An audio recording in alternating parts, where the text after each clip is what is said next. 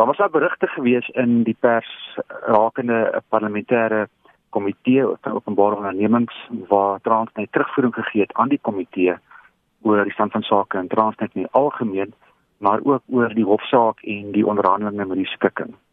En ek wil net baie duidelik stel en dit die inligting deurgee dat daar nog steeds 'n proses aan die gang is om 'n skikking te vind.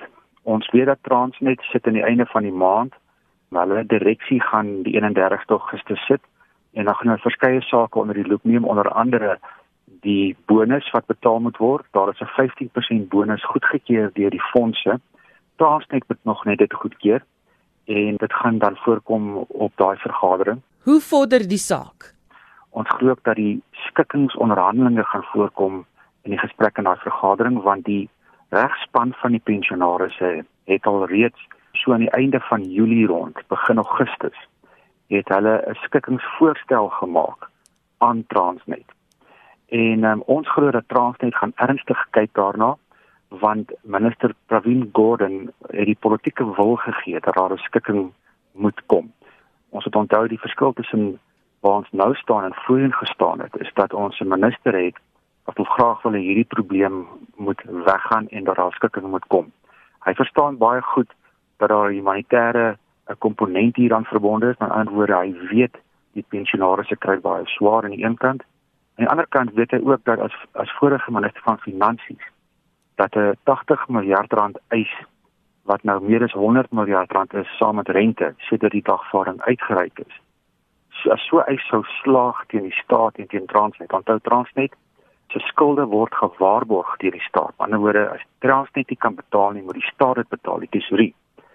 Dan gaan dit 'n domino effek hê op die land se kredietgradering.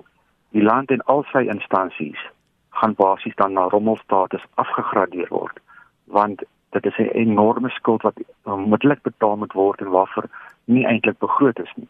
So dit is in almal se belang, beide die regering en die pensionaars se belang dat daar skikking nou moet kom. Waaroor die pensionaars baie ontsteld was, is dat die verteenwoordiger van Transnet by die openbare komitee, die komitee oor openbare ondernemings gesê het dat Transnet nog steeds die saak teenstaan. Hulle glo nog steeds hulle het 'n goeie saak.